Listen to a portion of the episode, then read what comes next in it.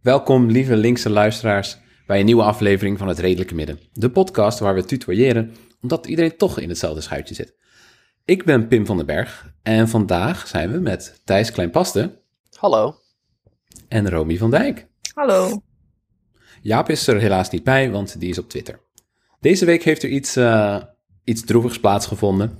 Er zijn WhatsApps gelekt van Sid Lucassen, onder andere door anderen filosoof genoemd, v Forum voor Democratie prominent, oud VVD-lid van het een of het ander.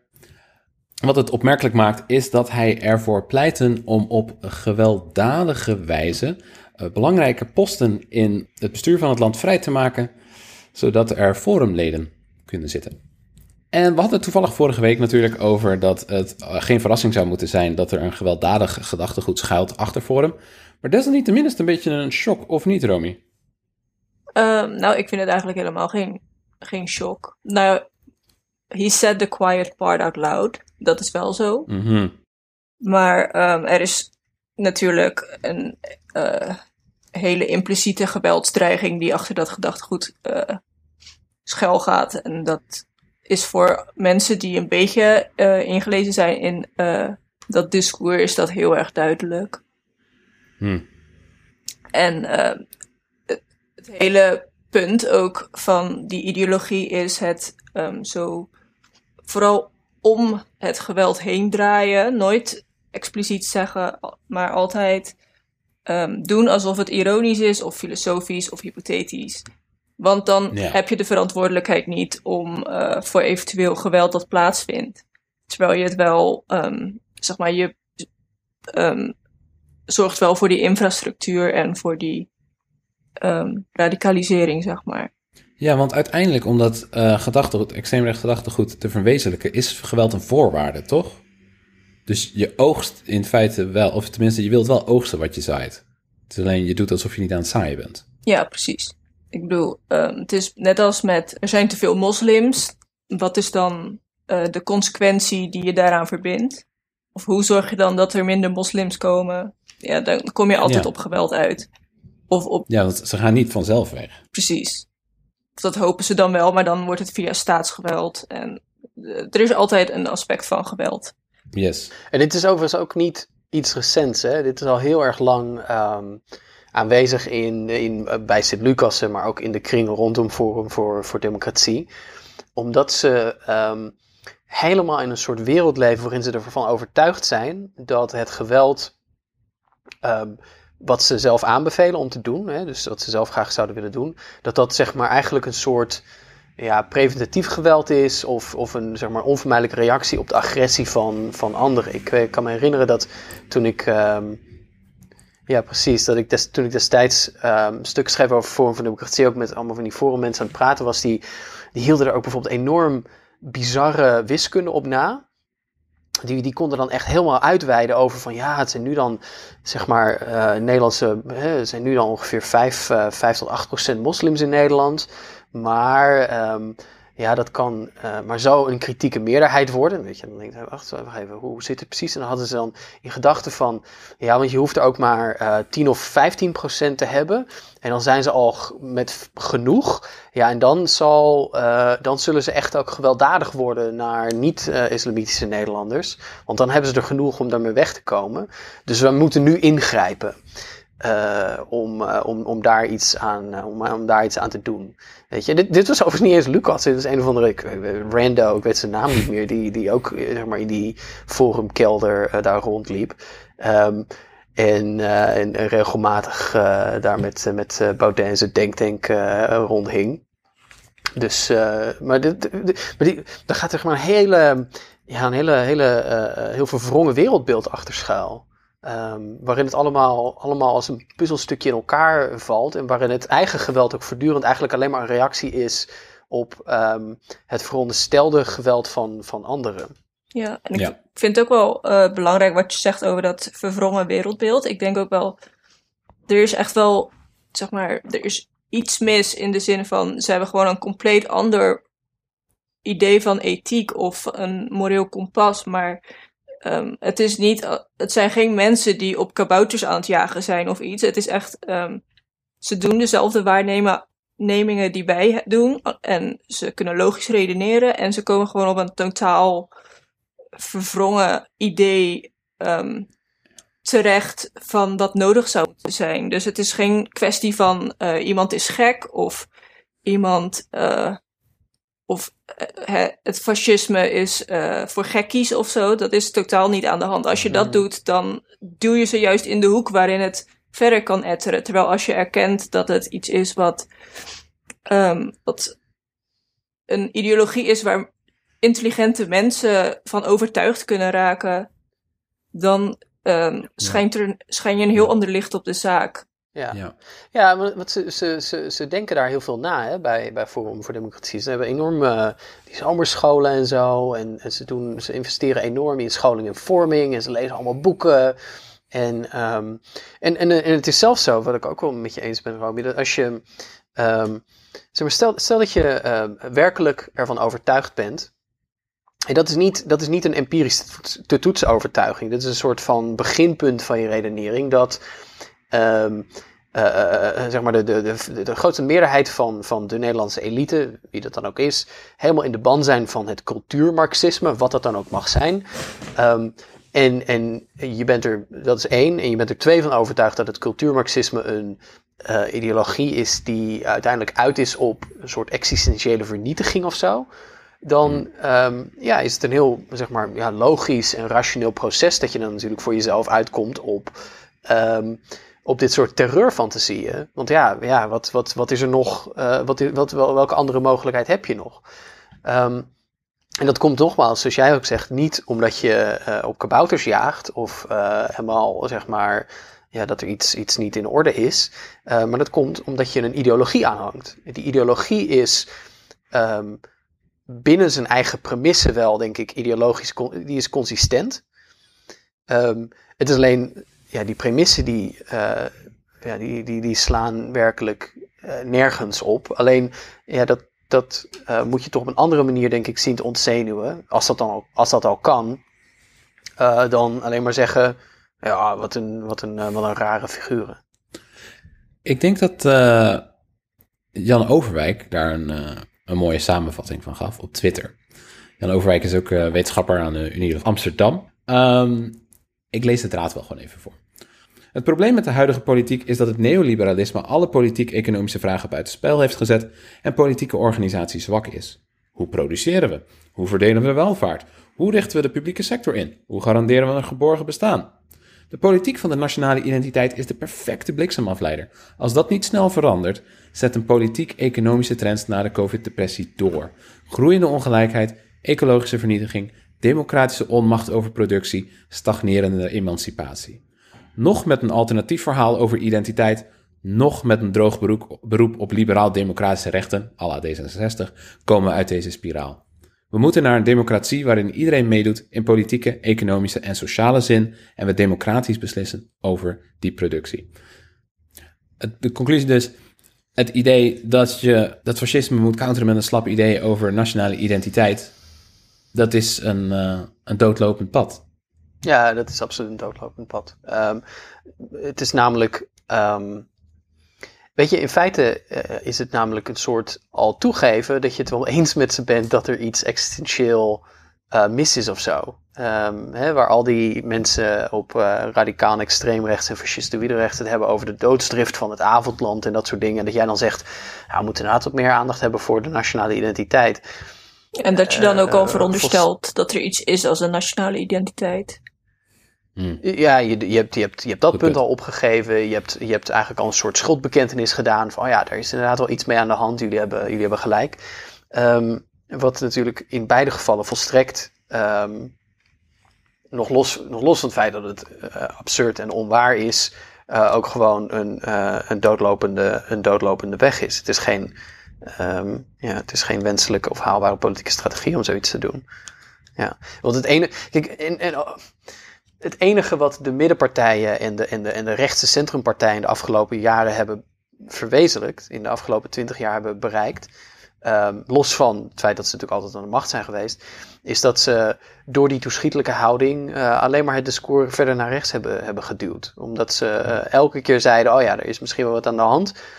Eh, en hop, hop, het overtonraam ging, ging weer een, stuk, een stuk naar rechts. Alleen maar, het is een witwasproject van, van dit soort gedachtegoed.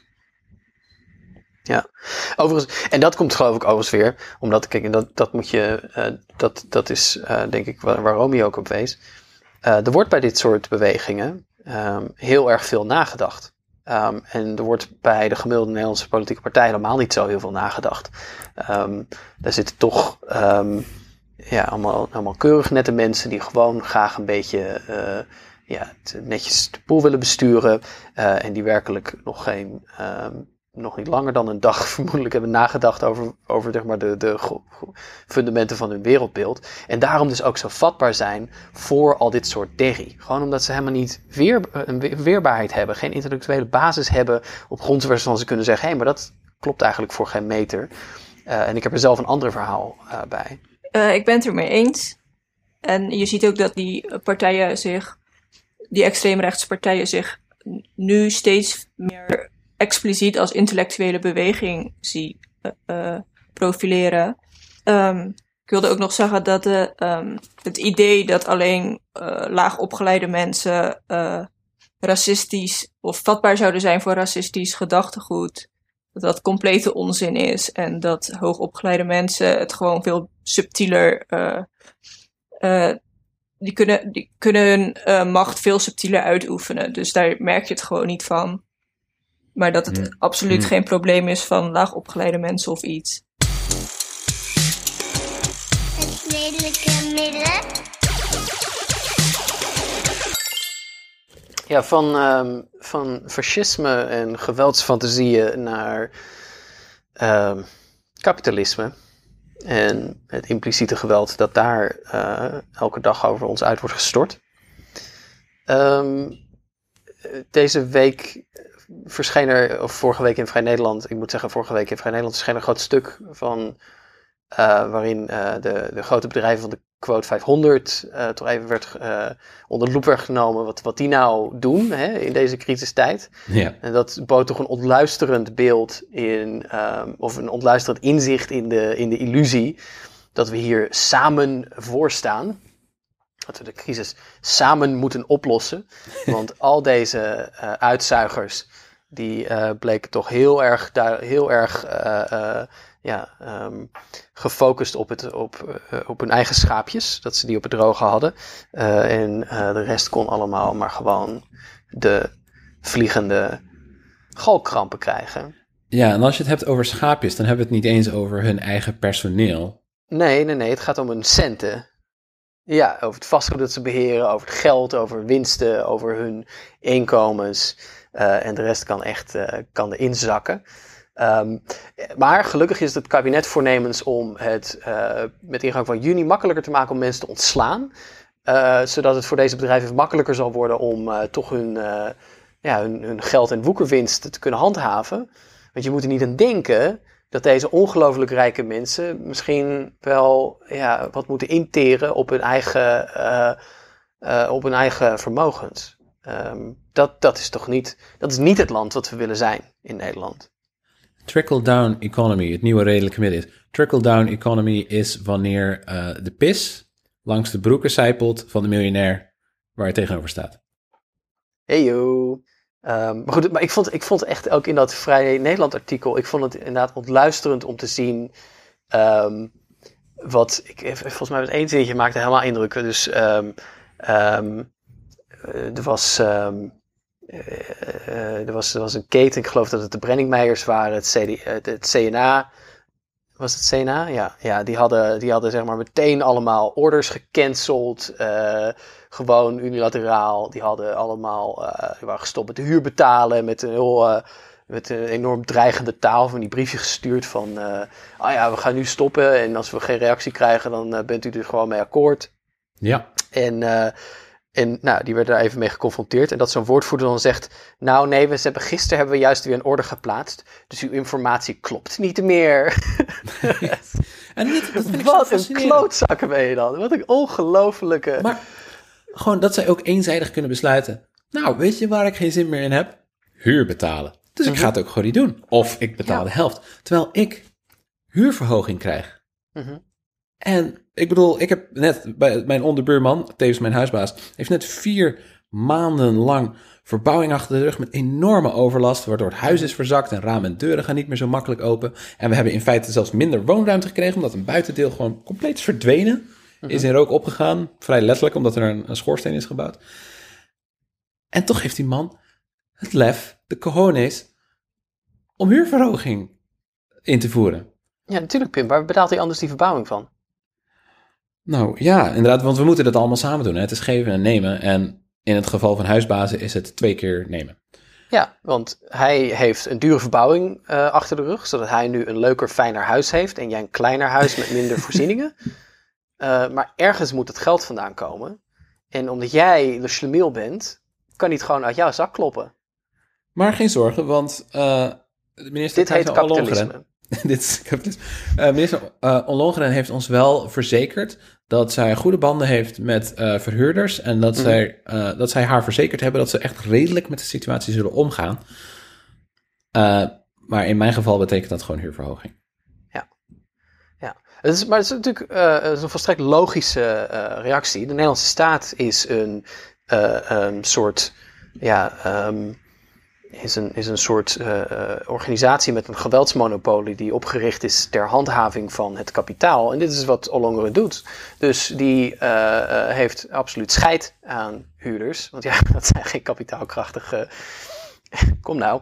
Ja. Ehm, en dus weigert zij ook om het, ehm, eh, ehm, zeg maar het, het, het wetten maken, eh, zeg maar het, het, het geweldsmonopolie en het, en het, eh, eh, het vermogen van de staat om een wet te maken en te handhaven, in te zetten voor het belang van huurders. Wat begrijp Ja. je hier nou niet aan, Pim? Dit heet kapitalisme. Ik, ik had beter moeten weten. Ehm, maar wonen is ook niet het, het enige aspect waar het misgaat. Want Romy, jij vertelde mij ook over het onderwijs. Eh, ja, ik heb me de afgelopen week heel kwaad gemaakt over eh, de achterloosheid van eh, het kabinet. eh, over de situatie van studenten, omdat ik om me heen en bij mezelf gewoon merk dat studenten het heel zwaar hebben. Hm. En ehm, ja, de alternatieve lesmethoden volstaan gewoon niet. Ik, ken, ik heb vrienden die normaal op het lab staan en die nu een posterpresentatie moeten maken. En dat zou dan eenzelfde. Dat, daar zou je dan hetzelfde van moeten leren of zo. Of, ehm, dus in heel veel gevallen is zo'n alternatieve lesmethode dat is gewoon Schiet niet hetzelfde, schiet tekort. Eh, ik zie, ehm, ik spreek mensen bij wie de productiviteit enorm af, afneemt, omdat ze gewoon niet die inspirerende eh, gesprekken en interactie met studenten en docenten hebben. En eh, Hmm. daardoor meer faalangsten weer ervaren en een toegenomen druk voelen.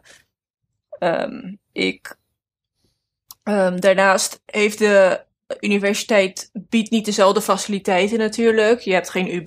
Je, Nee. ja, er- het, e- het enige wat de universiteit op dit moment eigenlijk doet en hogescholen is een paar websites online houden. Nou ja, dat kan iedereen. Maar ja.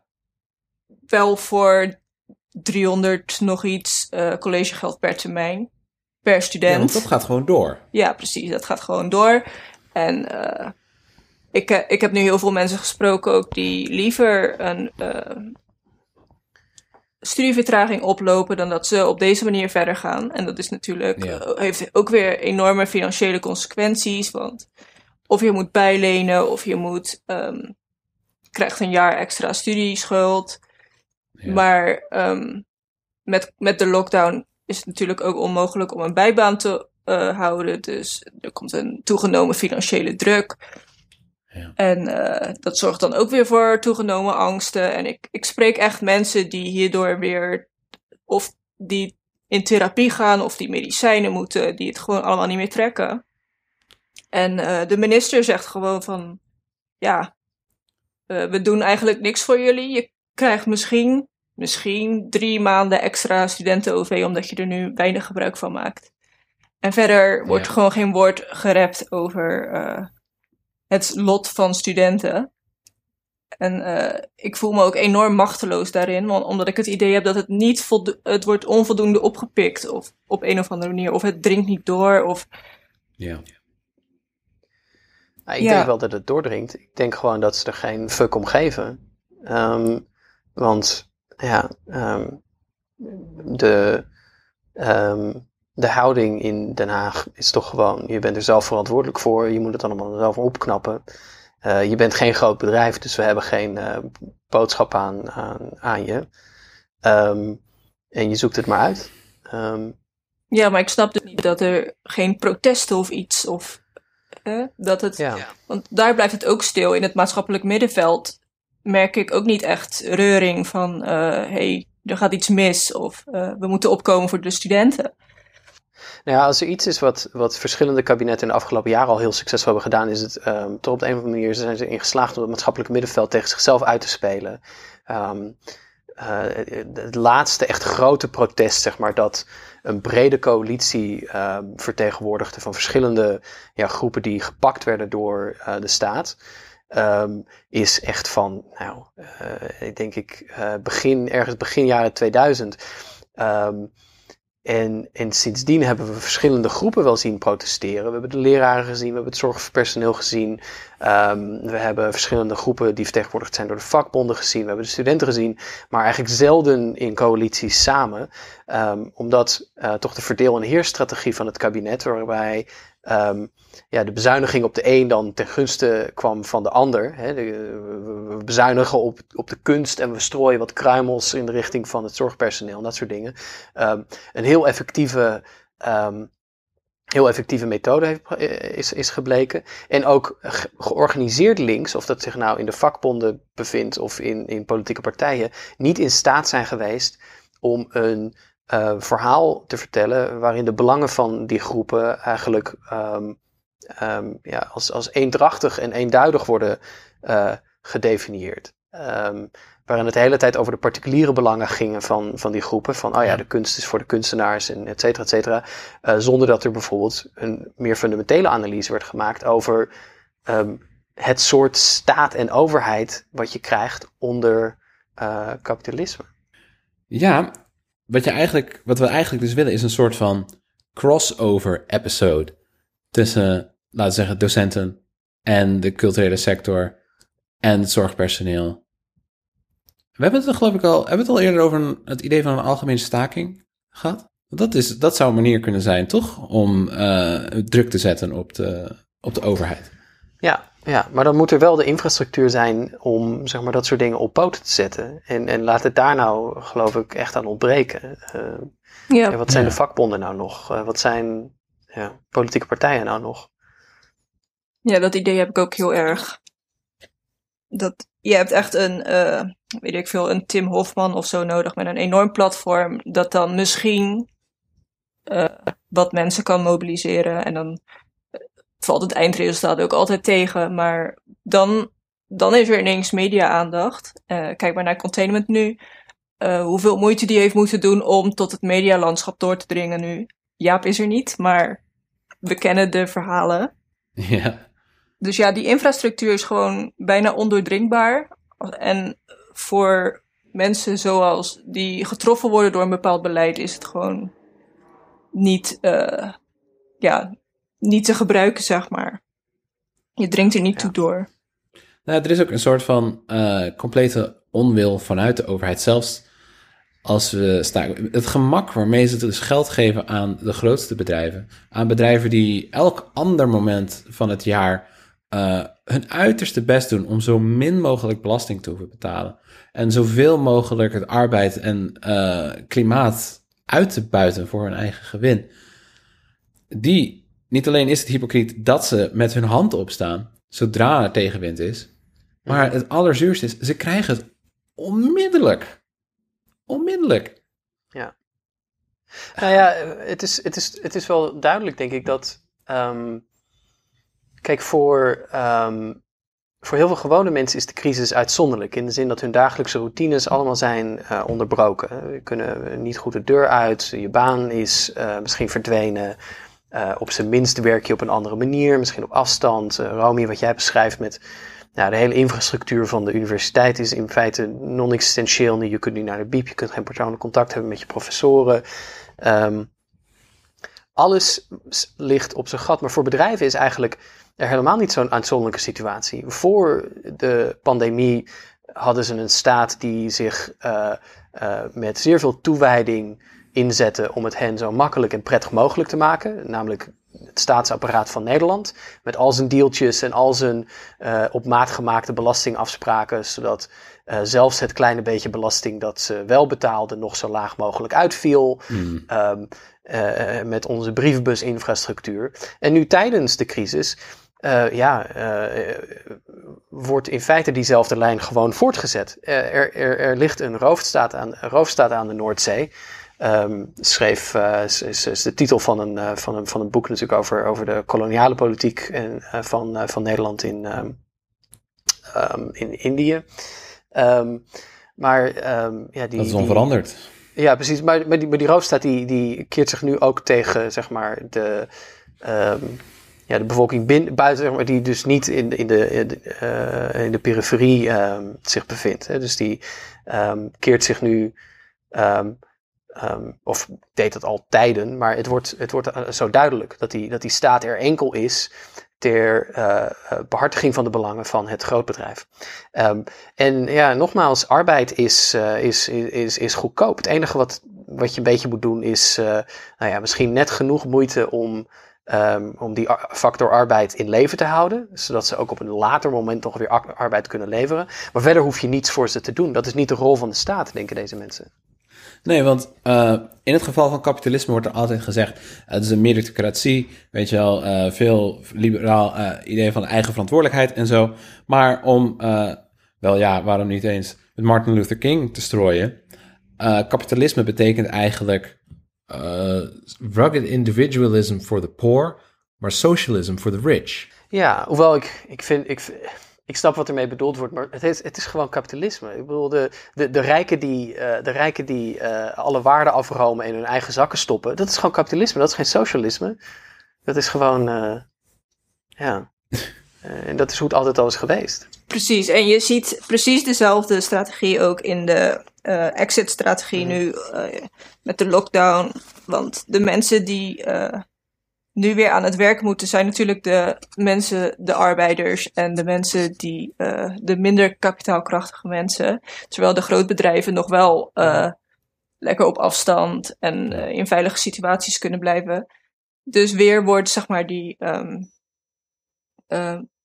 zijn er, is er weer een bevolkingsgroep die straks meer coronabesmettingen gaat, uh, ja.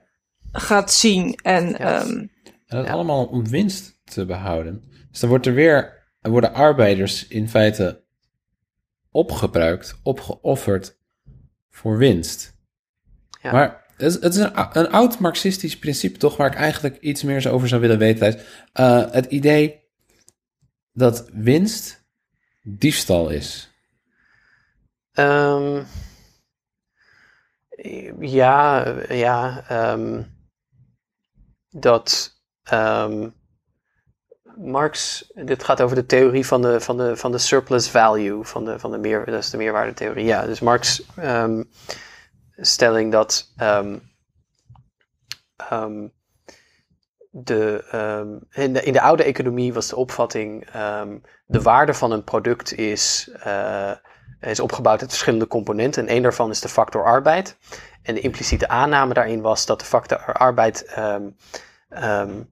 uh, evenredig werd gecompenseerd voor de geleverde arbeid. He, dus, dus stel een, uh, een brood kost 2 euro, dan is daar, daar zitten verschillende componenten in. Aanschaf, vervangingskosten van de machine, de winstuitkering voor, voor de bakker, maar ook het salaris van de knecht die het brood, uh, of van de, van de bakkersassistent die het brood bakt. Ja. Uh, en Marx die zegt eigenlijk, dat klopt niet. Um, wat eh, eh, wat er gebeurt in een kapitalistische omgeving, is dat de eh, tijd wordt gekocht en binnen die tijd wordt er zoveel mogelijk arbeid geleverd. En is het ook belang van de kapitalist om ehm, die arbeid zoveel mogelijk uit te knijpen. Om er zoveel mogelijk eenheden productie uit te persen binnen de acht uur, of zoals in de 19e eeuw dan nog was, twaalf uur of langer, die de werkdag lang is. En Ja. ehm, op zich heb je eh, na misschien drie uur werk je salaris terugverdiend. En dan is er dus nog vijf uur over voor het maken van woekerwinst. En dat is wat inderdaad dan bedoeld wordt met, met winst is, is een vorm van diefstal. Ehm, omdat het letterlijk is wat iemand met meer macht eh, van, je, van je eigenlijk afpakt en afroomt. En je ziet het, weet je, ja, of je dat nou ziet in een eh, familiebakkerij is, is misschien, misschien niet altijd even evident. Maar je ziet het wel op de werkvloer van Amazon, waar alles dus zo gestructureerd is dat zelfs hoe lang je eh, mag gebruiken om naar de wc te gaan, is allemaal eh, vastgelegd in, eh, in protocollen. En als je daar overheen gaat, dan krijg je verschrikkelijk straf van Amazon en raak je misschien je baan kwijt. Maar dit is allemaal zodat er zoveel mogelijk meerwaarde uit de arbeid geperst wordt. Ja. tegen zo, zo min mogelijk geld. En de arbeider zit er niks van terug. Nee, de arbeid is dit is van terug. Dit is de winst. Die vloeit af naar, eh, naar eh, de, de eigenaar van het bedrijf, naar de eh, investeerders, naar de aandeelhouders. ehm, ja. en, en op zich, en dit is ook hoe kapitaal zich ehm, eh, eh, vermenigvuldigt. Hè? Want op zich, die, wat, wat de, de arbeider produceert, is, is meer kapitaal. Ja. Dus hij produceert eigenlijk, en dat is ook iets wat Marx zegt, hij produceert zijn eigen. ehm, eh, arbeid produceert zijn eigen onderdrukking. In die zin. Ja. Ja, ja, ja. En dat, maar dat is dus waarom het zo'n gelul is dat elke keer dat iemand van het Nederlandse kabinet zegt: we staan er samen voor. We staan er maar niet samen voor. Ja, tenzij samen je daarmee bedoelt de, eh, ja, de 99%, zeg maar, het grootste deel van de Nederlandse bevolking dat arbeid levert. Ehm, eh, ja, stonden die er maar samen voor tegen die kapitaalfactor. Weet je, maar, maar het hele idee van we zijn samen een land en we hebben samen hetzelfde belang, is eh, retorisch misschien wel aardig, maar het is materieel evident niet waar. We staan er niet samen voor. Want jij, Pim, krijgt van Ollongeren de dikke, dikke vette middelvinger omdat je huurbaas eh, je huur gaat verhogen en Ollongeren geen poot wil uitsteken om die huurbaas aan aan banden te leggen. Eh, en het kabinet ondertussen wel miljarden staatssteun ehm, naar grote bedrijven pompt. En dat is enkel en alleen omdat de opvatting van de Nederlandse staat is dat haar taak is het tot dienst zijn van het bedrijfsleven. En aan- omdat jij geen bedrijf bent, Pim, maar gewoon eh, eh, een, een, een, een goede Een jongen mens. met een huurhuis, kun je gewoon in de poep zakken. Zo is het. Vroeg me af hoe je, hoe je je daarbij voelt, Pim. Dat je door de poep kan zakken. Woedend. Ik, eh, ik kijk er niet naar uit om fikse, fikse ruzie te gaan hebben met mijn huisbaas. Maar dat is wel wat gaat gebeuren, omdat ik dus eh, ja, mijn eigen poep moet schoonmaken. Er is eh, niemand in een situatie tussen huisbaas en, en huurder die je daar echt in kan bijstaan, momenteel. Het is, we moeten het allemaal steeds meer zelf zien te rooien. En dan heb ik nog een redelijke goede band met mijn huisbaas. En daarbij wil ik benadrukken dat zelfs al kan een individuele huisbaas een hele lieve persoon zijn. Het concept van huisbaas zou niet moeten bestaan, want het zijn boeven van de dingen die we nodig hebben om te leven. Maar andere mensen hebben het niet zo makkelijk. En ik, ik word daar zo, zo droevig van en zo kwaad. En ik zou gewoon willen dat ik iets kon doen, iets kon bijdragen, iets, iets, zo'n systeem kon ontmantelen. Alleen het is, het is machteloos en het is uitzichtloos en dat stemt mij droevig. Ik heb wel een nieuw, huis, eh, een nieuw hondenfluitje eh, bedacht. Hm? Het hondenfluitje is Moby Dick. Vertel. Moby Dick, kapitein Ahab, all huisbazen are bastards. dus als jullie eh, in de komende weken op Twitter een walvis tegenkomen, De walvis betekent vanaf nu huisbazen zijn KUT. Je hoorde het hier voor het eerst. En jij, Romy, hoe sta jij ervoor nu? Ehm, ja, ik voel me nog steeds wel machteloos. Ik heb binnenkort wel een gesprek ook over eh, precies die stress die studenten ook ervaren door corona.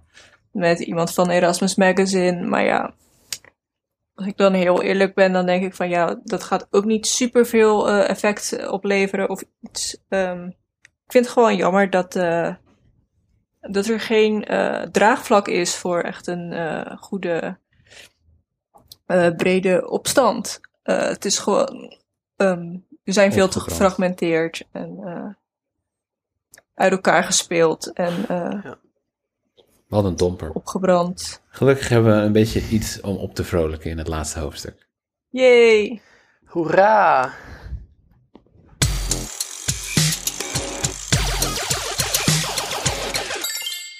Daarbij zijn we aangekomen bij, nou eigenlijk het voorlaatste hoofdstuk.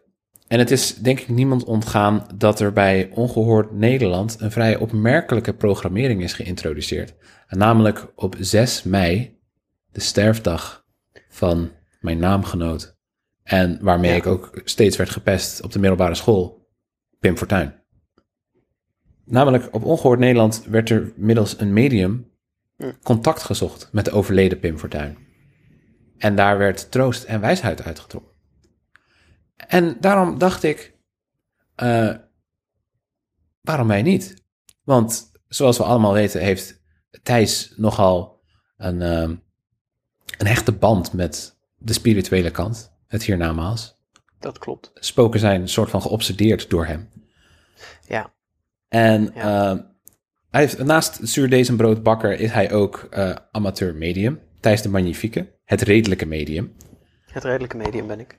Dus wat we gaan proberen is, we hebben eh, via sociale media en onze Discord ehm, gevraagd met wie men nou eigenlijk zou willen spreken. Welke linkse radicalen die ons helaas ontvallen zijn, willen we nog één keer, nou ja, een kopje thee drinken.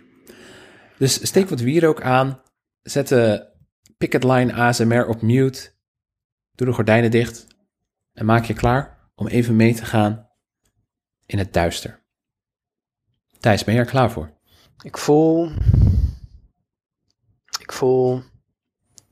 de krachten via mijn vingertoppen zich bundelen. En ik denk dat ik contact kan leggen met de gene zijde. Oké, ik ga je vragen om je energie te richten richting Rusland. Kun je dat? Ja, Rusland. het scheelt. Ik woon niet zo ver van een Russische ambassade, dus dat helpt heel erg. Oké. Mooi. Focus je gedachten daarop, Thijs. En vertel me, kan jij contact leggen met een van de belangrijkste, meest prominente anarchisten die wij kennen? Peter Kropotkin. Peter. Peter, Peter, hoor je mij? Wat zegt hij? Hij zegt. Ja, Meneer Kropotkin, ma- mag ik Peter zeggen? Pri- Prins Peter is goed. Prins Peter. Ik heb een, een vraag van eh Ed Races Aap inmaken. Ah, meneer Kropotkin, vindt u Rutger Bregman nou ook zo'n zak hooi? Ik straal de vraag door, Pim. Eh, oh, oké. Hij vindt Rutger Bregman geen zak hooi, want een zak hooi is ergens goed voor. En Prins Peter, als je er nog bent, is anarchie gewoon een excuus om goed te feesten? Ik hoor op de achtergrond. Ik denk dat het wijn is die wordt ingeschonken en ik kan geen contact meer krijgen met Prins Peter. Nou, dat is, dat is prima, want dan zou ik graag de aandacht meer naar het westen van Europa willen vestigen. Hmm, oké. Ik verzet de bakens. Volg de kosmische stromen, Thijs. Naar Karl Marx. Hmm. Kun je Karl Mm. Marx vinden? Oh, helemaal. Oh, ja, ja. Sorry, ik krijg soms niet alleen een stemgeluid, maar ik krijg ook dan beeld. En net als wij allemaal in deze periode had Karel even geen broek aan. Ehm, maar ik heb contact met, met Karel. Ja, Romy, heb jij de vraag bij de hand? Ehm, wat vind je van Jeroen Dijsselbloem? ik, ik stuur de vraag ehm, door. Nee, ik denk niet dat ik dat. Ik denk niet dat ik dat op de radio mag zeggen. Nee. Maar het is wel helder. Ja. Ja. Ja, wij zijn ook boos. Ah, Sorry. ik, ik, ik kreeg een visioen, Thijs. Ja. Ik, ik zag Jeroen Dijsselbloem overreden worden door een motor met daarop een man met een leren jack. Wat, wat betekent dat? Het is heel stil aan gene zijde. Ik kan hier echt geen uitspraken over doen. Oh, wauw. La- la- laten we nog eentje doen, dit wordt, anders wordt het mij te heftig. Ehm, blijf bij Marx in de buurt. Mhm. Ik denk dat we deze aan eh, Engels kunnen sturen. Oké. Aan Friedrich, Friedrich Engels. Marx, even- ga even opzij. Oké. Ja. Ja, oké. Ik heb, ik heb eh, Friedrich, ja. Deze vraag is ons ingezonden van at also known as Eva. Meneer Engels, is het waar dat je Max Stirner hebt verzonnen om Marx te pesten? Oh, ik hoor nu veel eh, tumult. Ik hoor een boze stem roepen. Wat, is dat echt waar? Heb je hem verzonnen? Oh. Ik krijg ineens geen contact meer met Engels. Ik hoor nog wel eh, een hoop tumult. Dit is, dit is de... Ja. Laat, laten we hiermee ophouden, oké? We wilden gewoon een leuke, leuke linkse podcast en niet dit soort duistere, occulte dingen. Ja. Sorry, ik voel mij ook wel ehm, een beetje opgelaten nu. Zullen we, zullen, zullen we dit gewoon afsluiten met een, met een wat luchtige, luchtige noot? Nou, Carl, ik ben helemaal geen opgeschoten simpelmans die je theorieën heeft zitten versimpelen. Nou, vind ik echt niet. In de uitzending, man. Kom op. Oké. Ik ben er weer, sorry. Zei, zei hij ook iets over je boek, Thijs? Hij zei dat zijn tafel niet meer wiebelt. Het redelijke midden. Nou, nu we ons eh, een beetje hebben schoongeveegd met, met stenen, eh, is het denk ik tijd voor het redelijke midden. Romy, wat is jouw redelijke midden deze week? Mijn redelijke midden van deze week is... Ik wil best naar de mening van witte mannen luisteren, maar alleen als ze dood zijn en worden gechanneld door een vrouw.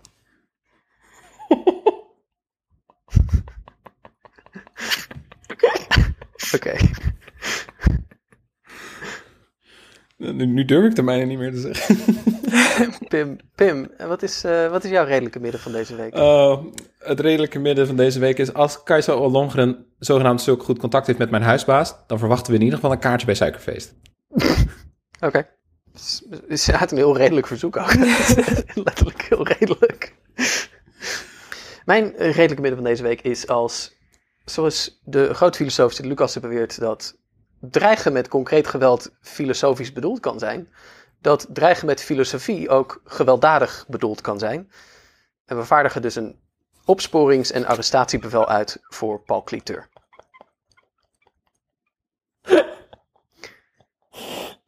Piep. aflevering ooit. Sorry. De, de, de, de niet zo uh, wel doordachte aflevering ooit. Ehm, Oké, ik doe wel een afsluiter. Oh my god. Ja. eh, ik zal de afsluiting doen. Nou, bedankt voor het luisteren, voor iedereen die het volgehouden heeft. Ehm, ik was Pim van den Berg. Je kan mij volgen op Twitter, at bvdpim. Thijs, at kleinpastethijs. Romy is at haathex. Shoutout naar eh, Peter Kramer, gewoon omdat het kan. Vergeet ons eh, niet te liken en te subscriben, een hoge waardering te geven op elke willekeurige podcast-app behalve Spotify. Vergeet niet dat je klachten ook via de Twitter DM kan sturen of op hetredelijkemidden@gmail.com. Ik vergeet soms dat we een e-mailadres hebben, maar dat hebben we dus, hetredelijkemidden@gmail.com. Ik denk dat Jaap het in de gaten houdt, dus geeft een tijdje voordat er gereageerd wordt. En eh, verder wil ik gewoon zeggen, zorg goed voor jezelf en hopelijk tot volgende week. Bedankt voor het luisteren. Doei. Duimpje omhoog.